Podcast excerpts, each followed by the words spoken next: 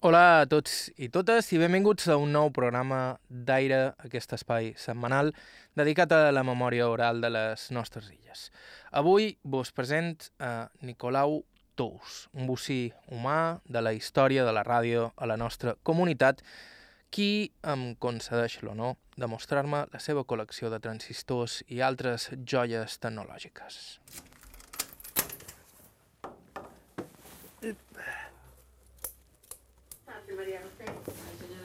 Ah, això era molt, molt bé.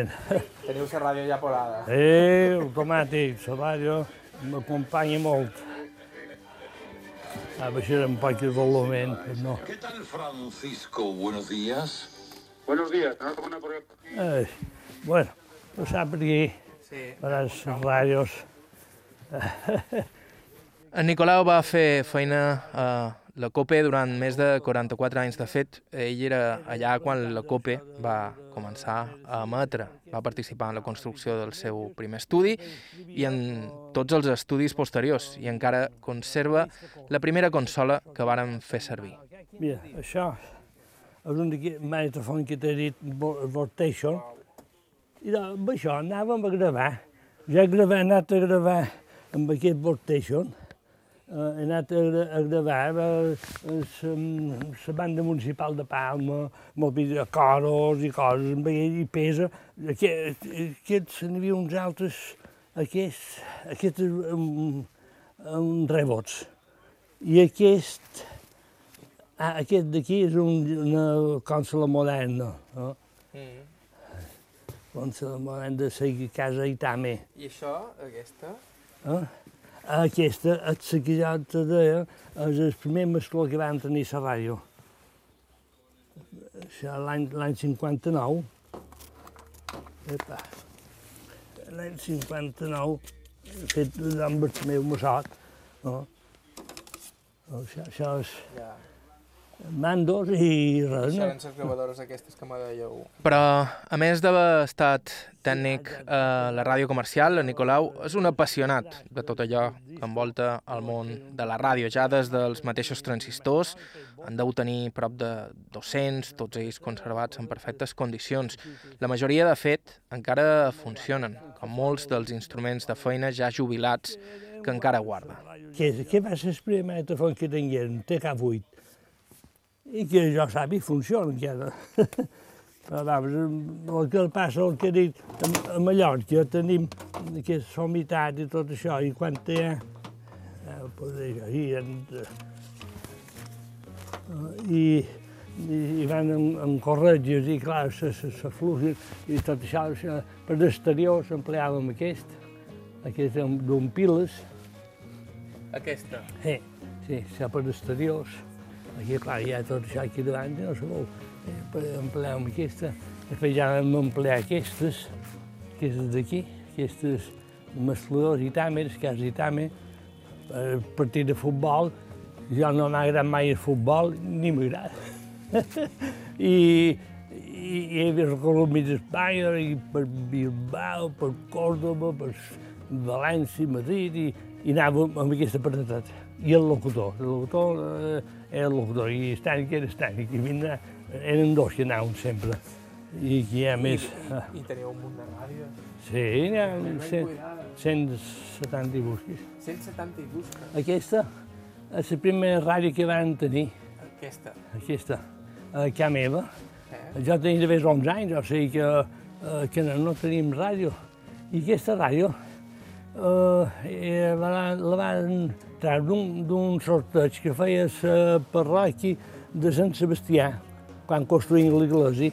I, i els dies faners, si treies un socopon de cego, el, el número eh, que tenies tu, eh, eren 100 pessetes, 100 pessetes, que eren del ben que el tens ara, no res. I, i si et treies el dissabte eren 1.500 pessetes o una ràdio com aquesta. I, i hi havia un cosí meu que, que se'n cuidava d'això i, i, i, i va venir allà en ràdio. Eh? Dir, si mil pessetes, diu, el pagal de què farà? I no, una ràdio.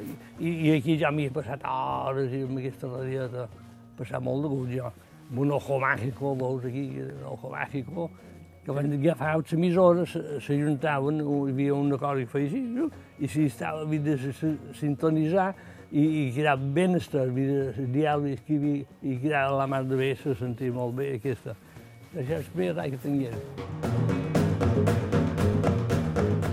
La primera de moltes. Amb 11 anys, ell encara no ho sabia, però li esperava tota una vida vinculada en aquells aparatats. Uns aparells que ell construïa, reparava, venia i omplia de contingut darrere una peixera. Nicolau Tous diu que no és molt de xerrar, però la seva història mereix ser escoltada i avui l'escoltarem. Això és Aire, estàu escoltant IB3 Ràdio, us parla Joan Cabot, començam.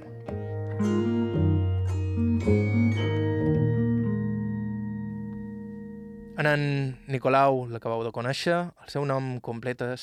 Jo som Nicolàs, o Nicolau Tous Escoubet, Escoubet, francès, això. El meu pare era, era francès. Eh?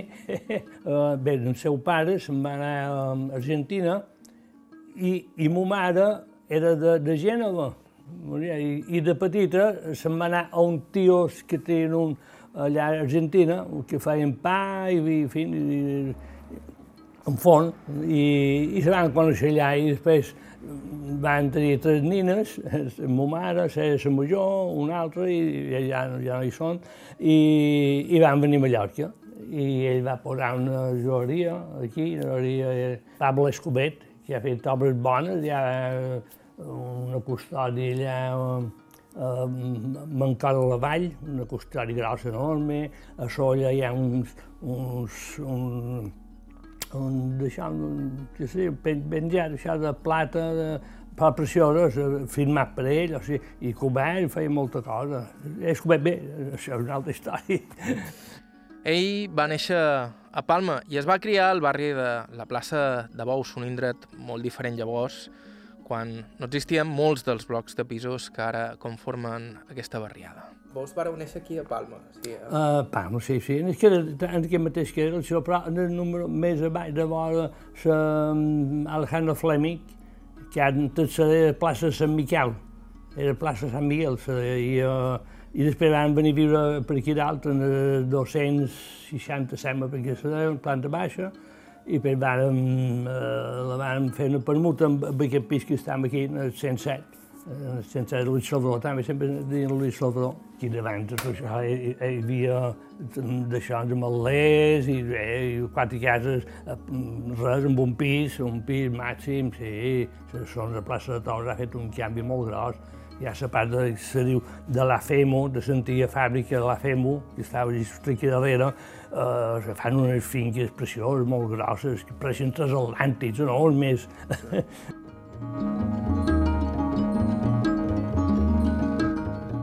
De la família de sa mare ja n'ha parlat son pare, per contra, era un home amb un d'aquells oficis que, en principi, imposa molt, encara que ell no fes tanta por. Mon pare era, eh, era d'això, de, de la BIC, Brigada Investigació Criminal, eh, que seria, seria policia secreta. I després va, va estar de 30 anys, no sé què, després va en els Tribunal Tutelar de Menors, eh, les oficines d'allà, i després ell duia, sempre ha duit representacions, eh, agente comercial colegiado, representacions. O sigui, jo, jo també he estat representant, també al mateix temps, de discos i de cinta magnètica va.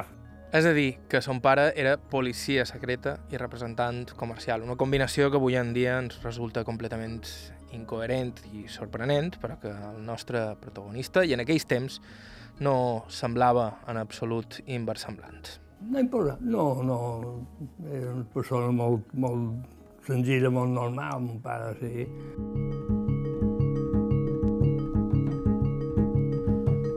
En Nicolau, però, heretaria la manya del seu padrí matern. Des de ben petit li va agradar la cosa electrònica, especialment els transistors, perquè en Nicolau, a més de manyós, era un enamorat de la ràdio. Sempre m'ha agradat, jo de petit, sempre coses del recitar, coses de... Aquest m'ha agradat, i després vaig fer un curset de, curs de ràdio, ràdio Maimó, que, sa, que era de Barcelona, i, i vi de, per aprendre ràdio, que m'agradava la ràdio, perquè jo he estat un gran aficionat a escoltar la ràdio també, jo, on de curta, m'hi passava hores escoltant la ràdio, sempre m'ha agradat moltíssim. I, I després jo feia d'operador de cine, tenia 15 anys, 15, 16, fins, i fins als 28 que van tancar el cine de la parròquia Santa Catalina Tomàs.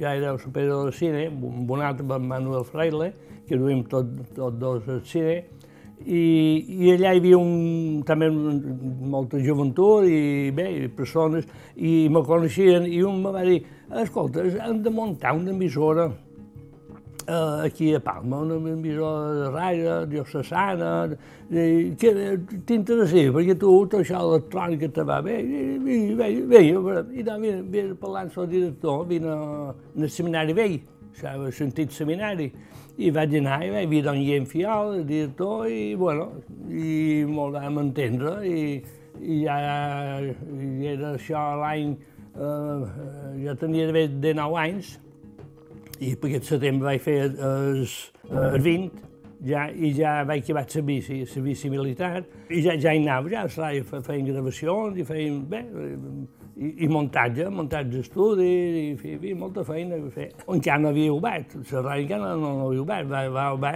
va obrir jo, i, perquè ara dia 6, de, de, dia 7, perdó, dia 7, va fa 60 anys que se va inaugurar l'emissora, eh, però nosaltres ja feia una setmana que emitíem música i, i dèiem Ràdio Popular, tal, tal. Això era KD18, Ràdio Popular de Mallorca. Així és com se deien al principi. Era KD18 i després hi havia la SER, que era eh, EAJ13, Ràdio Mallorca. I nosaltres era EAK18, Ràdio Popular de Mallorca. EA, EA, EA vol dir um, que és d'Espanya eh, internacionalment, quan un, eh, per exemple, ja som eh, radioaficionat i som Eco Alfa, EA, Eco Alfa 6, el número 6 vol dir el districte, eh, 6 província, Balears, el número 6. Quan diu un 6, diu, ep, el de Mallorca. Diu, diu un 5, EA5, ep, el de, de València. EA3, de, de, de Catalunya. Bé, hi ha 4 de Madrid, bé, que, que era, i això, eh, per distingir que era una emissora d'Espanya, de, EA.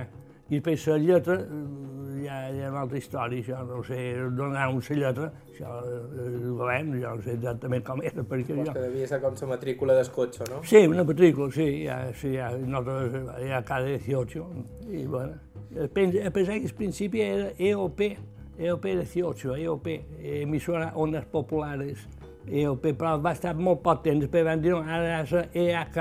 El govern va dir que havia de ser una cada quilo, EAK 18. Dic, bueno, bien. I mira, i després ja està la COPE i bé.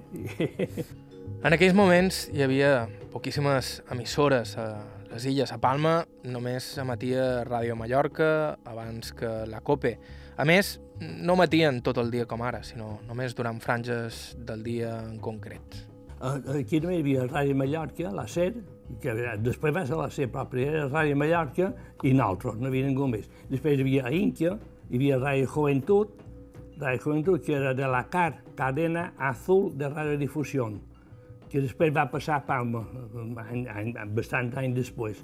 Uh, hi havia aquests tres, després hi havia un altre de la, de la CAR, uh, Falanich, també n'hi havia, també i, i, i ningú més. Al principi, com a lògic, bé, lògic, no, no, no, no, ho entendrà, però vamos, um, s'emitíem uh, de les 12, jo s'obria a les 12 fins a les dues i mitja que acabava el parte de Ràdio Nacional, perquè antigament les notícies més les donava Ràdio Nacional. Nosaltres no donàvem notícies. Nosaltres fèiem un resum en el vespre del, diari de, del que hi ha hagut per Palma o per Mallorca. I després tancàvem dues mitja, i després fins a les 8 no tornàvem a, a obrir l'emissora, i fins a les 10 i mitja, que també acabava el pacte nacional, eh, i, i tancàvem. I després, a poi van començar a, a juntar de les dues milles, eh, ja tancarem a les quatre i començarem, bé, van, i, i després ja era un, un més, més ample, un cicle més ample, i, i després ja pràcticament quan van agafar, els vespres tancàvem, de bé a les 12 a l'una tancàvem, l'emissora i fins al matí no tornàvem a emetre, fins a les 7 o les 8 del matí començàvem, i després, eh, quan va venir la sequera de copa ja per tota Espanya, diguem, eh, ja connectàvem amb Madrid i nosaltres ja on anàvem i, i sempre eh, no aturàvem, sempre hem estat emitint nit i dia, cosa que avui, eh, per mentir que més, estic un parell d'hores i bé, i bastava, mira.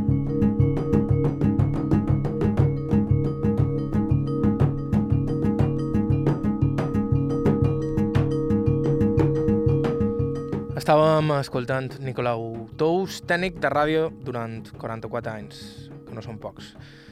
A més d'un dels treballadors que varen ajudar a fundar la COPE a Mallorca. En uns segons, més històries de la ràdio. Estau escoltant Aire a IB3. Fem una breu pausa i continuem.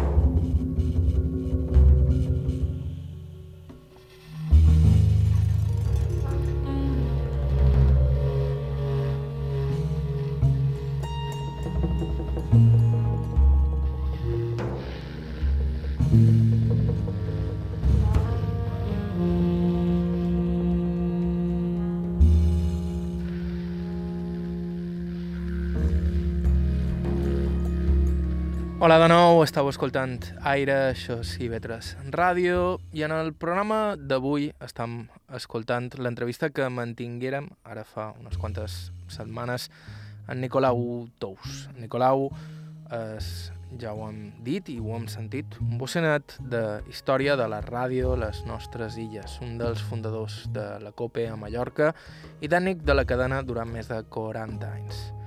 Això, a més de col·leccionista de transistors i material tècnic antic, un material que conserva en perfectes condicions en una cotxera a prop de casa seva i que li recorda els temps en què va començar en aquest ofici, amb uns mitjans que contrasten radicalment amb els d'avui en dia. Molt humil, molt senzill, molt humil. La taula després, si vens, jo la, la tenc, la primera taula de mestre la tenc jo, jo aquí, massa greu que tira el lop i són coses que, imagina't. Estava fent manual, a làmpades, que la va fer d'en Bartomeu Massot, de Ràdio Control, la Via Roma, eh, d'en Bartomeu Massot la, va muntar. Jo la vaig trobar ja, ja, ja feta quan té, vaig anar, i ja feien gravacions i coses, donar dos tocs discos diferents, perquè no eren iguals, però sonaven, i, i després el magnetofon, un o dos magnetofons per si teníem, i res, i, i, i s'ha acabat. O sigui, i, i, i micròfon hi havia un, no, en la locutora, era el locutor, el locutor, però més hi havia un micròfon. No, és que no, gravació, en aquest sentit, eh, no se feia gravació, que tot era en directe programes que tot en teatre ho havia de repassar tu abans, llegir, i ja m'ha agradat molt, eh, mm, això és muntatge musical, jo, jo m'han encantat, sempre m'ha agradat molt, una cosa que m'agrada molt. És, i, I després anàvem fent música i tal, al principi de tot fèiem, eh, que obríem a les, al vespre, obríem a les 8 i obríem a dimarts, obríem a les 6, perquè feien dues hores dedicades als malalts seré uh, burbujas, amb Luis Felipe Lazcano i na, i na Maria Sabelaro, i jo era el tècnic, tècnic, però jo era el tècnic de manteniment i tècnic de so també. Després de jo he anat ensenyant a tothom que hi anava, i per arribar un moment que jo ja vaig deixar el control i dedicar-me a les emissors, perquè eh, hi havia feina sempre. Després vam passar els estudis, això estàvem en els estudis de planta baixa de, del seminari vell, i després vam passar en el tercer pis, allà sí que s'ha fet una gran instal·lació i encara existeix allà, i hi ha la televisió, televisió diocesà, bé, de televisió i, en fi, medis de comunicació de l'Iglésia, i jo tot allò ho vaig dissenyar tot jo. O sigui, no, no hi havia enginyer però si enginyer mateix, jo vaig dissenyar tot. Hi havia cinc estudis, un d'ells cara al públic, perquè venia gent, dissabtes teníem programes musicals en conjunts, i gent que actuava, i un Antoni Machín que va venir, i molt, molta gent coneguda, i amb en Miquel Vives, que duia els programes aquests de, de musicals, i cada dissabte uh, ja s'omplia. I va arribar un moment que em van demanar l'assistència pel missatge, estava a prop de la ràdio, i emet, per línia, línia telefònica, eh, emitíem des d'allà, perquè allà ja no hi cabíem. A Miquel Vives eh, va ser un dels grans noms de la COPE i de la ràdio a Mallorca i a les nostres illes. De fet, Vives està protagonista d'un programa anterior d'aire que podeu escoltar a ivetresalacarta.com, com eh, podeu escoltar allà mateix tot l'arxiu del programa. Però a la ràdio d'aquells dies hi havia molts altres noms coneguts i d'altres no tan coneguts. Molt de col·laboradors, gent, gent que eh, que li agradava la ràdio, per xerrar, locutor, locutores, i, i, i que hagi sense cobrar pràcticament, ni, ni mirar el rellotge. El rellotge sí que no el miràvem al principi, eh, i, i no sé, ja no, no sé, de fi, Manuel Santolaya, Isabel Aro, Luifel Palascano, saps hi havia? Hi havia, hi havia molt de col·laboradors, teníem, molta gent. La ràdio en aquells anys era popular de veres. La televisió encara no l'havia relegada al segon lloc i la gent seguia els programes amb devoció. La COPE, Mallorca més, varen trobar una fórmula d'èxit, les rondalles, i la ràdio en la nostra llengua. Sí, no, sí, sí, sí. Sobretot nosaltres, el, el cop fort que va ser eh, a Mallorca va ser les rondalles mallorquines. I l'any 60, 1960, més o menys al final, el senyor de Borja Moll, eh, i la primera la vam fer en directe, i després la, gra la gravàvem, però a mi, quin, quin absurd d'aquell temps, que la gravàvem cada setmana a la mateixa cinta magnètica. O sigui, la rondalla que havien gravat eh, la setmana anterior eh, se borrava i damunt se gravava la d'aquesta setmana. Fins que em van dir, va, això és una llàstima. I però és que una cinta magnètica val, val d'haver cent pessetes, pessetes, ah, fent pessetes, i, i, i clar, anàvem justets, o sigui, no, no havíem el tot bé, i, i, i van dir, bé, doncs les gravam, i després les passàvem a veure a velocitat lenta, que amb una cinta grossa i que vés un país de rondalles. És graciós, són coses impossibles, sí, sí. Ja se borrava la rondalla.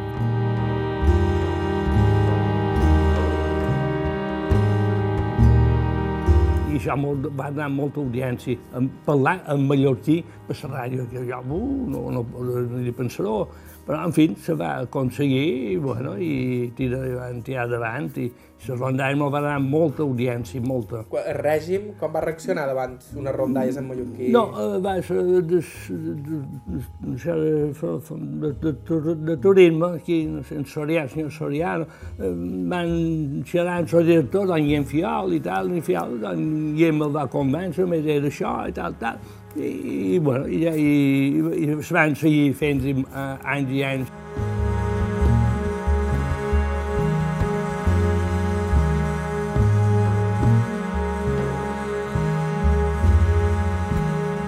Nosaltres eh, vam començar eh, amb una emissora de 400 watts, 400 watts amb onda mitja, eh, i que era de segona mà també, segona o tercera mà. Era una emissora que va estar eh, a Mó, a Mó de la CAR, Cadena Azul Radio Difusió, de la Falange, era la Cadena Azul, i després va passar a Inca. I després d'Inca eh, van parar una emissora de 2 quilowatts, eh, en aquest, i aquesta la va comprar el Bitbat d'aquí de Mallorca, la Mitra de Mallorca la va comprar, i vam estar més 3 anys amb aquest, eh, 400 watts. I després van comprar, se va comprar un terreno de Son Sardina, allà on era el camp de futbol, de, que era històric, el camp de futbol de Son Sardina, tenim camp de futbol, eh, just de vos que té Vall de Mossa, eh, Vall de Mossa, Son Sardina. Vam comprar el terreno i allà van muntar un emissor de 2.000 watts, 2 quilowatts, amb un poste radiant de 45 metres i clar, van tenir més, més audiència i, i més cobertura. Eh, I ja més endavant ja van posar una altra emissora que tenia 5.000 watts i un poste que tenia 65. 65 van canviar l'antena, el poste radiant, i van posar un de més gros, i els, i, i els, um, sí, dos, uh, sí, després una altra emissora, una altra emissora més, de més potent, 10 quilowatts, 10 quilowatts, i ja, ja transistors ja, ja més modernitzada, perquè hem de pensar que les emissores aquestes treballaven nada menys que, que en, de 5 quilowatts en 15.000 volts, de, 15.000 volts de, de, de, de corrent continu, i aquestes noves ja a 64 volts, o sigui, no és gent perillosa. Les altres eren delicates treballar amb elles, perquè un xispàs o un buf, vine a l'esta. Clar, és increïble com ha canviat la part. Ha canviat moltíssim, moltíssim, sí, sí, sí. Jo després, a més d'això, me cuidava jo de part tècnica de Menorca i d'Eivissa. O sigui, cada dos per tres telefon, eh, la millor s'ha aturat i tal, i hi ha avió i cap a Eivissa, up, o cap a Menorca. I també tenien emissors igual que nosaltres, jo les coneixia bastant bé, i, bueno, i mira,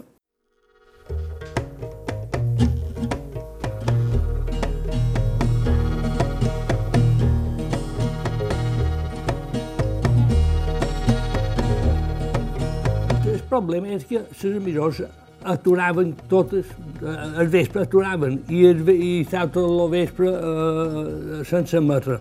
Se refredava tot, allà a Mallorca, Menorca i Eivissa, eh, com a illes són humides, hi ha humitat, i la humitat és dolenta, i, i des que estava funcionant nit i dia, no se variaven les emissores, entens? O sigui que eh, al principi hi havia bastanta feina, eh, d'anar un, un puesto i l'altre, Després he muntat estudis a, a Eivissa, vaig estar dues setmanes, i els estudis nous que vam muntar, que estaven a, a Santa Creu, una, una parròquia d'allà, en el campanar pràcticament, i després vam passar a l'altra banda, fer l'IP4, perquè se diu, uns estudis, i allà vaig muntar estudis, i a Menorca també he fet també una, he fet molta feina.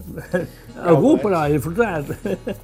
A Nicolau també ha vist canviar tota la tecnologia al voltant de la ràdio des de primera línia, des de les taules de mescles de fabricació artesanal fins a l'omnipresència dels ordinadors avui en dia, dels magnetòfons a les gravadores digitals, passant pels rebots i el minidisc. Primer, normalment tenen magnetofons eh, domèstics, eh, Grundig, de la Grundig TK8, era el primer que van tenir, TK8, després TK35, TK830, eren de la Grundig. I després ja vam passar en, en, en, el, bé, en el Vortation, aquí baix jo tinc uh, una col·lecció de ràdios i, bé, i, i aparatos i en tenc un d'aquests antics um, inglesos, un, un commutador, una cosa, pegava una barbaritat.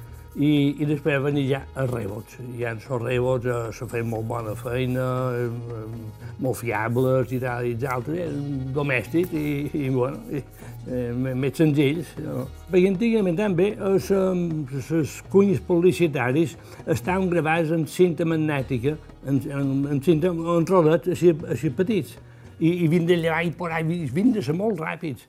Després va decidir no fer, fer blots, eh, clar, és una altra persona que va de fer blot de, de publicitat, però ja tot muntat, i només havia de posar blot, tot, tot, com saps, i que va, ja estava. Però abans era un boom, havien de ser molt ràpids, molt, enrotllar la cinta, posar, i, sí, sí, sí, sí, sí. Ha canviat moltíssim, era més manual antes. Vivia més la ràdio, ara digital una altra història.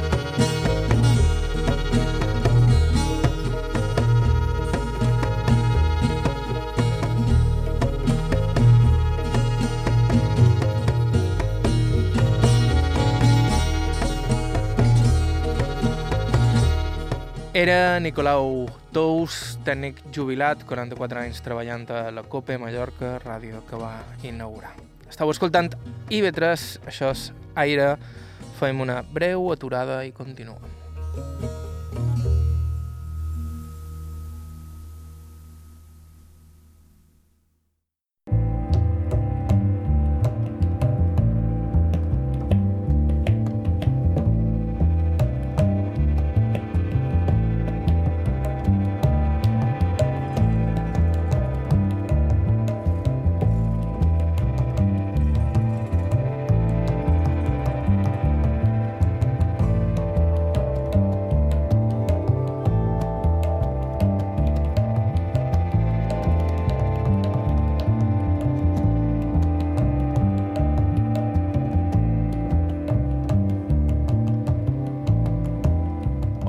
Nou, continueu a la sintonia de IB3 Ràdio, això és Aire, un programa setmanal sobre la memòria oral de les nostres illes i memòria viva de la història de la ràdio de les illes és el nostre protagonista d'avui, Nicolau Tous. Tornem a la seva cotxera i a la seva col·lecció de transistors. Aquesta és molt guapa, aquesta ràdio, això com a persiana, veus? Sí, I això és un metafon. Aquests són ra- radiotelevisors, aquests. Aquests. Oh, ràdio, era per ràdio i, i com a televisió n'hi ha dues. I funciona. Ara com a televisió ja no, no hi ha res. Aquesta, aquesta funciona bé. Sí, moltes d'elles funcionen.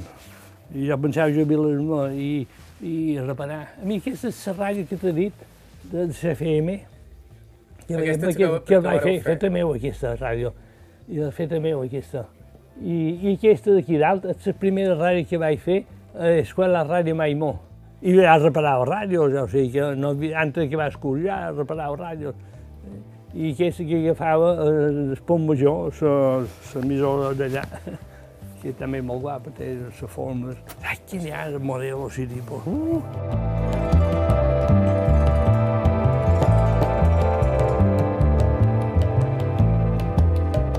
Com hem explicat abans, Nicolau Tous és un apassionat de la ràdio, de la ràdio i de les ràdios. Abans d'entrar a fer feina a la COPE, que va ajudar a posar en funcionament i on treballaria fins a jubilar-se després de 44 anys, ja de jovenet es dedicava a reparar-les i fins i tot fabricar-les a partir de components que comprava per separat. Jo reparava ràdios a domicili, després darrerament televisors també, però ja me vaig trobar televisors perquè ja eren molt, molt complicats. I el meu pis eh, ja no els podia tolerar amb una moto que duia un Moto Guzzi i no, no podia ser, i havia d'arreglar a domicili, era molt complicat i necessitava més instrumental per a reparar. Això, ràdios sí, ràdios eh, fins al darrer moment, i em feia, muntava a part de ràdio, i, ràdio i més són radioaficionat també. Eco, Eco Alfa 6 Tango Kilo. Fa molt d'anys, gairebé 40 anys, a més.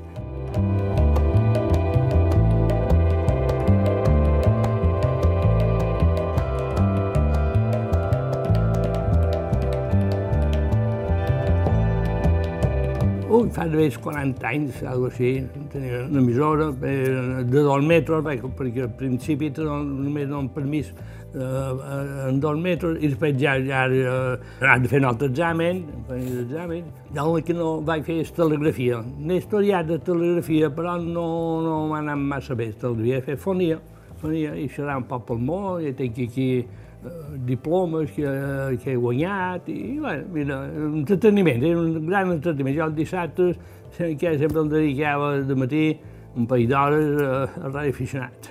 sí, sí, bueno, jo no em podria complicar molt la vida perquè no, no sé anglès. si saps anglès te pots lançar un poc més, però vamos, uh, bé, per Xile, i, per Argentina, Sud-amèrica, i bé, i, i Espanya, com és lògic, i Itàlia també t'entens un poc, són italians, i bueno, mira.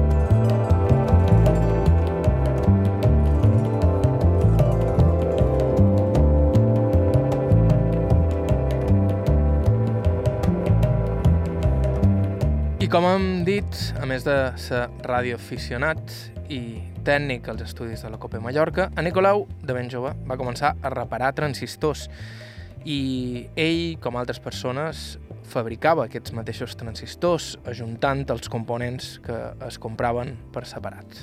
Sentia Sònia Renau, això, això, això, i mirava anar orientat. Molta, molta experiència, com que també jo em muntava també. Tenia un amic que estava un banc espanyol de crèdit i, i me aquesta setmana m'ha de fer dues ràdios eh, de, em feien unes petitones que preparant unes comodí d'aquest petit eh, de, de, petitones i, i, i m'havia fer una de vermella, una blanca, el que sigui, i, i el, el venien els, els, els companyeros d'allà del banc i, bueno, mira, i muntava. I també vaig fer una ràdio, va ser les primeres que va posar FM. Aquí no n'hi havia, no, ningú havia FM. I vaig dir, mai, en faré una. I vaig comprar tot el material, vaig muntar, i vaig sentir una emissora amb FM a l'art fort. I, i no saps què era.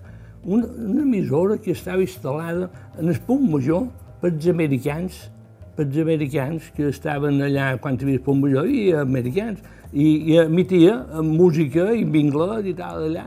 És l'única millor que sentia, no sentia altra. I després, clar, CFM, ara n'hi ha molt, moltes.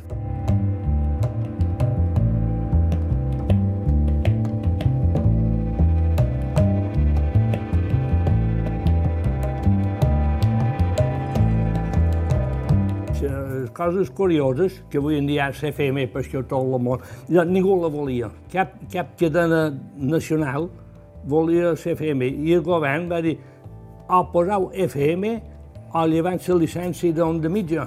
I, i van, se van despilar to, tothom. I, I feia CFM, feia el mateix d'onda mitja. Poc, poc, poc i poc va anar gent en, en país clar, la gent havia de comprar ràdios noves transistors i ràdios que tinguessin FM, però no n'hi no, no havia. I tot era onda mitja. I ara, per exemple, ara són de CFM, que per tot el món, i doncs, això ja se lleva, ja, no, ja, ja la lleven. A Suïssa mateix, l'any 2024, ja, ja, ja, ja la lleva. I que és el DAT, DAP, eh, Digital, Digital Audio Broadcast Plus, o sigui, en plus i, i, i perquè aquest sistema de, de FM que tenim ara, això se, se lleva, totes no se lleven.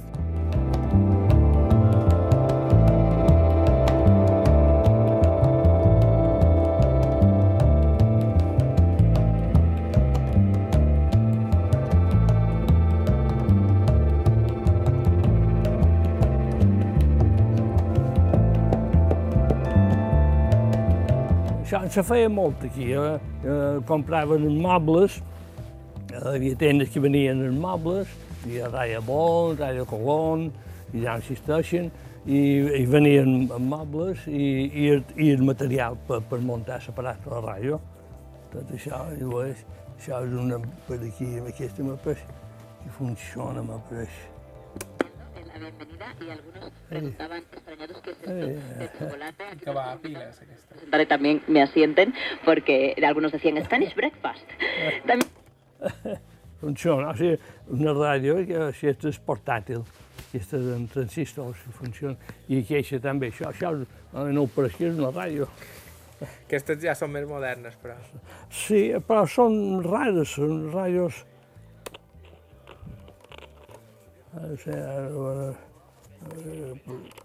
¿Qué tal, José? Buenos días.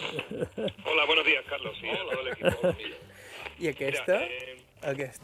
No, aquesta només és, és saltavou, això és un altavou. Que eh, antes sempre l'altavou anava separat de la ràdio, separat de la. Eren com mobles de fusta, aquest era un moblet, i després hi havia l'altavou del costat, que és espectacular, aquest altavou. I aquest ja és més modern, això, aquest, ja, ja és modern.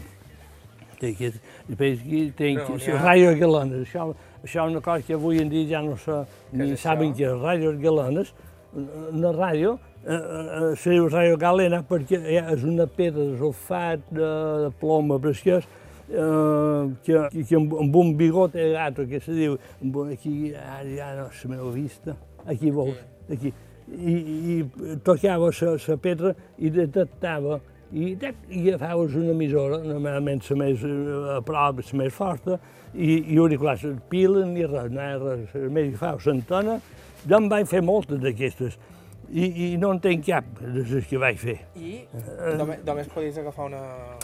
Eh, No hi havia ràdio Mallorca.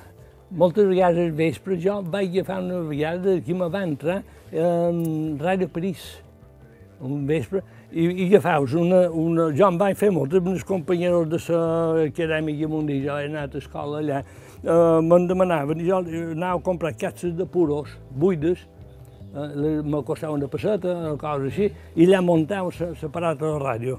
I, i, i, i em ve fer la mar i no, això, això és muntar però això ja, ja venien tots els aparatats. Una antena, l'antena era el somier, i l'altra antena en una, una tuberia de, de gas o d'aigua, d'aigua normalment, i, i amb això bastaven, no, ni piles ni res.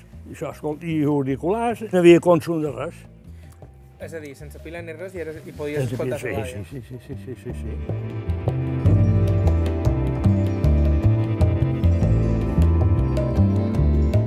I per acabar de completar el cercle i afegir encara més vincles amb el món de la ràdio, en Nicolau era comercial de cintes BAF, entre d'altres marques, és a dir, que a excepció de les fotografies antigues, una altra de les seves aficions que mereixen un programa a part, en Nicolau vivia la ràdio i les ràdios 24 hores al dia, 7 dies a la setmana.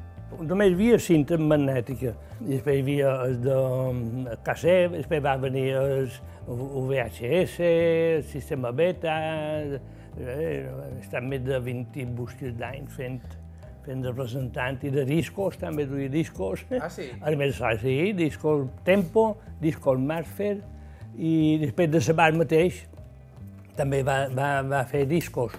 Al final de cinc anys antes de tenir la, la, la deixança, bé, de, la cinta magnètica i discos de Sabaf, i he corregut un món. I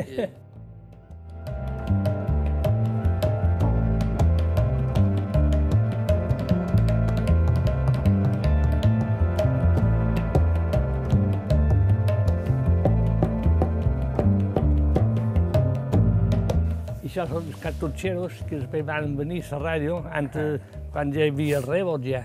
I això era molt pràctic, tota la policia la passaven, eh, n'hi havia... els una- cartutxos Bé, aquests. això coneguts ja, no? Sí.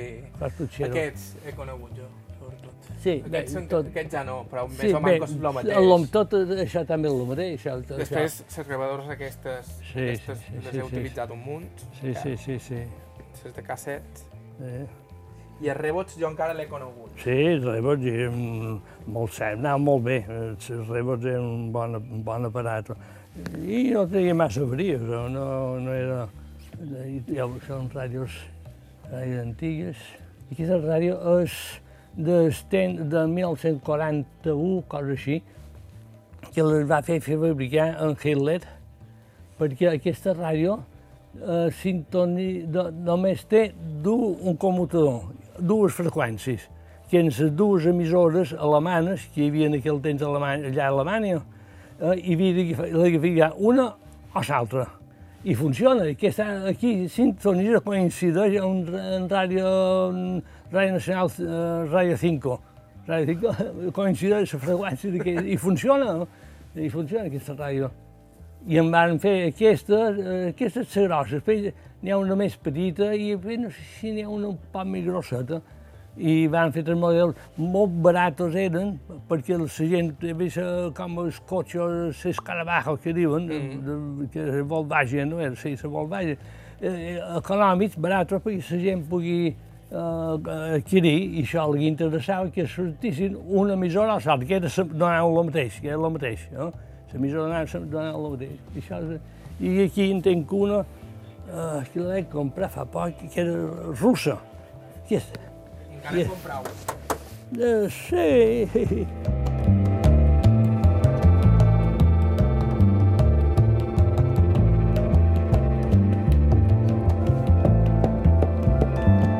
Després de 44 anys de professió, Nicolau es va prejubilar l'any 2003, però des de llavors ha continuat vinculat a un món que l'ha apassionat des de ben petits de veig 44. Sí, jo me vaig jubilar un any i mig antes, de totes maneres. I mig antes perquè ja a la vista, eh, ten diabetes, m'ha pegat a la vista i, i, no, i més avui en dia, en aquell moment que era 2003, me vaig jubilar, en 2003, perquè va ser un any i mig antes de, de fet 66. Va ser, i, i la vista en nom de l'ordenador, pantalles i tal, i després eh, per soldar, i, i, i fer moltes connexions, moltes coses, i, i, i vaig veure això no, no va bé.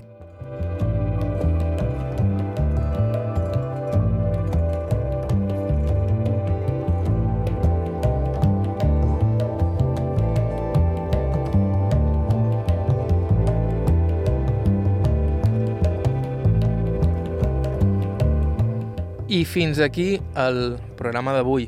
Gràcies a Nicolau Tous pel seu temps i amabilitat i també gràcies al company Lluís Fortesa, que va ser qui ens va suggerir entrevistar-lo.